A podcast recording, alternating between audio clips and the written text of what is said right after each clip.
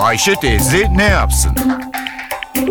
Güngör Uras, Ayşe teyze ekonomide olan biteni anlatıyor. Merhaba sayın dinleyenler, merhaba Ayşe Hanım teyze, merhaba Ali Rıza Bey amca. Son günlerde bolca Twitter konuşuluyor. Nedir bu Twitter? Neden bu kadar çok kimse Twitter'dan söz ediyor? Twitter daha önce ismini duymadığımız, ne işe yaradığını bilmediğimiz bir haberleşme sistemi. Ama Türkiye'de akıllı telefon, tablet ve bilgisayar sahibi olan her 100 kişinin 32'si Twitter sistemi üzerinden ortak haber ağına giriyor. Bu ağı kullanıyor. Twitter internet ağı üzerinden 140 karakterle sınırlı metin, video ve fotoğraf paylaşılmasını sağlayan bir sistemin adı. Akıllı telefon, tablet ve bilgisayarlar aracılığı ile interneti olan herhangi bir yerden Twitter ile iletişim sağlanabiliyor. Twitter sosyal medya denilen yeni medya türünün bir parçası. Sosyal medya yeni nesil iletişim teknolojisine dayalı olarak eş zamanlı bilgi paylaşımının yapıldığı sistemin adı. Sosyal medyanın özelliği haberleşme ağının eş zamanlı ve çift yönlü olarak işlemesi.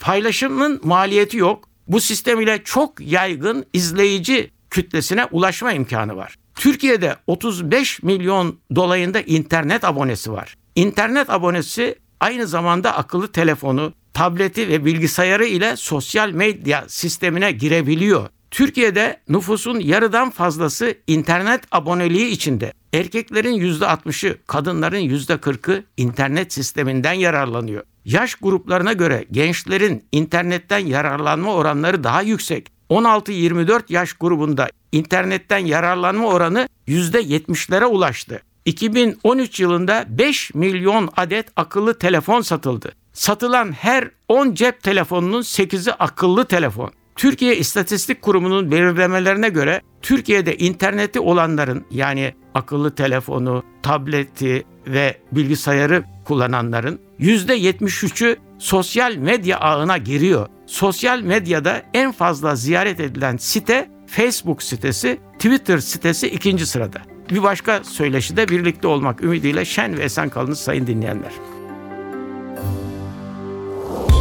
Güngör Uras'a sormak istediklerinizi ntvradio.com.tr adresine yazabilirsiniz.